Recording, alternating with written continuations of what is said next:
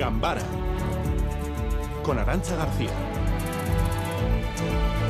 150 millones de europeos ven el tour por televisión. La carrera se emite en casi 200 países. Euskadi va a entrar en todas esas casas en julio del año que viene. El tour saldrá de Bilbao en julio de 2023 con etapas en Gasteiz, en Donostia, en Bayona. La organización ha presentado la carrera esta mañana en París, reconociendo a la afición vasca, a la afición como esta. Me encantaría verles salir de Bilbao porque llevo años yendo a Francia a verles y sería fantástico ver a mis ídolos salir de mi ciudad. Tener al tour en Bilbao es algo con, lo que cualquier aficionado al, al ciclismo sueña. La salida del tour de Bilbao es algo ilusionante.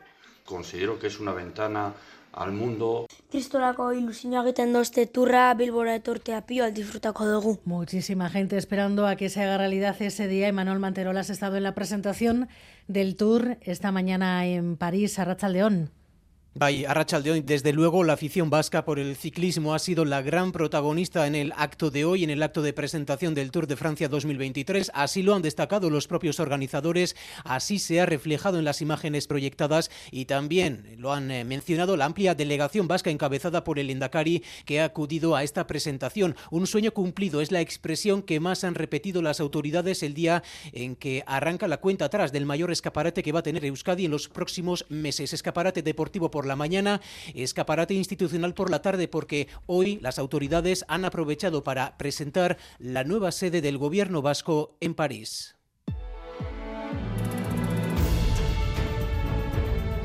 Enseguida volvemos a París con todos los detalles y ayer se lo avanzábamos a esta hora. El Banco Central Europeo ha vuelto a subir y ya van tres el precio del dinero. El caso es que los tipos ya están al 2% y van a seguir subiendo a pesar de las amenazas, del riesgo de recesión, del riesgo de que suba el paro en Europa. Lo ha reconocido Christine Lagarde, pero dice que el BCE está cumpliendo con su trabajo, que es contener la inflación. Recado a los gobiernos para quienes de alguna manera les dice que a ellos les tocará mitigar las consecuencias y, en su caso, intervenir el mercado de la energía. With the likelihood of recession uh, looming much more on the horizon and the probability of it having increased, everyone has to do their job.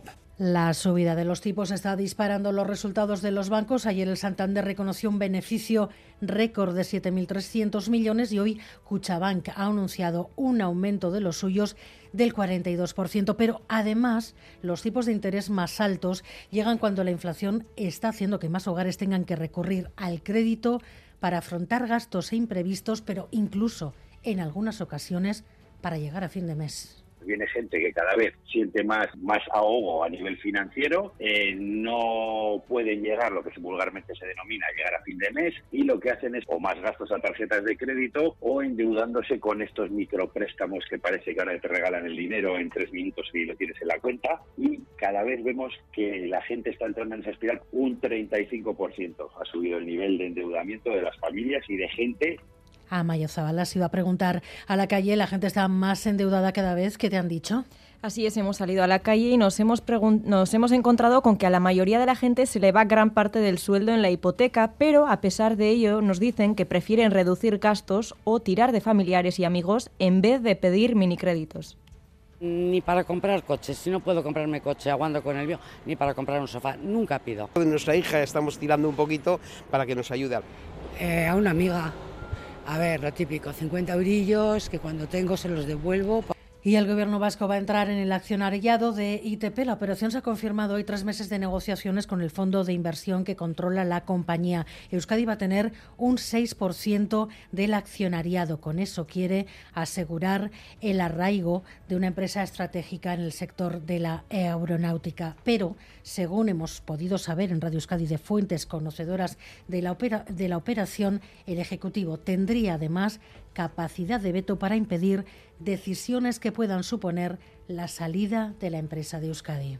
Nuestro objetivo era, de alguna forma, mantener ese arraigo, evidentemente sede social y fiscal, pero además que tuviéramos la seguridad de que esa empresa va a continuar creciendo, va a continuar produciendo, tiene esa voluntad de seguir invirtiendo en I+D y bueno, todas esas actuaciones eh, están recogidas y bueno, yo creo que es una fantástica noticia desde ese punto de vista. Estas inversiones pretenden evitar lo que está pasando, puede pasar con empresas como Siemens Gamesa, la multinacional. Ha iniciado un proceso de ajuste que ahora sabemos no solo incluye 300 despidos en oficinas, también la venta de todas sus plantas productivas y eso va a incluir las de Asteasu y Munguía.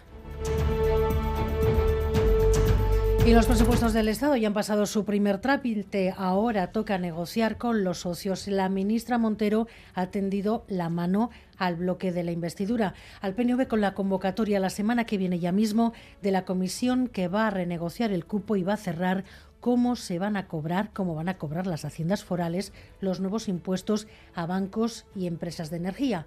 Y a EH Bildu yo le tiendo la mano, señor Matute, auguro unos días duros en esa negociación, no son ustedes sencillos para, para poder llegar a esos puntos de encuentro. Moncloa, que apuesta por sacar los presupuestos de nuevo con los apoyos de PNV y de EH Bildu. Vamos con los deportes.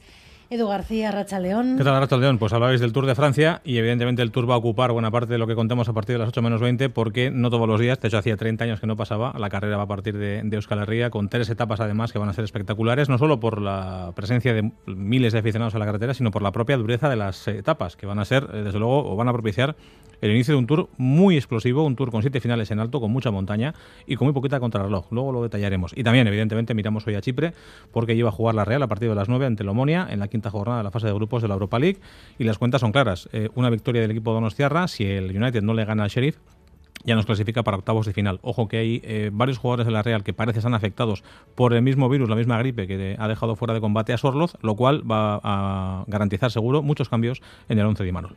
Bueno, pues lo sabremos luego.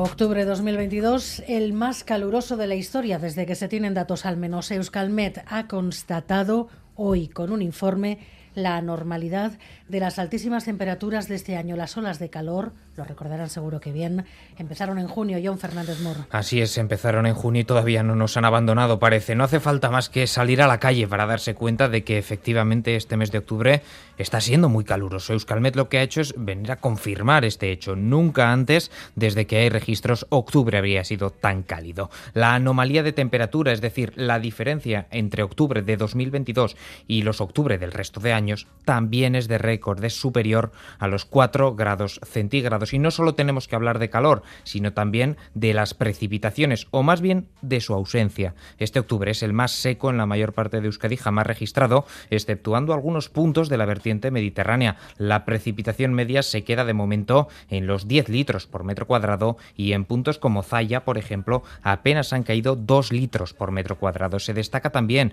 que a finales de mes estamos teniendo temperaturas superiores a los 30 grados, incluso en la costa. Y noches tropicales como esta pasada, donde en la costa guipuzcoana han tenido hasta 25 grados en plena madrugada, octubre de récord, que sigue al verano más seco de los últimos 50 años.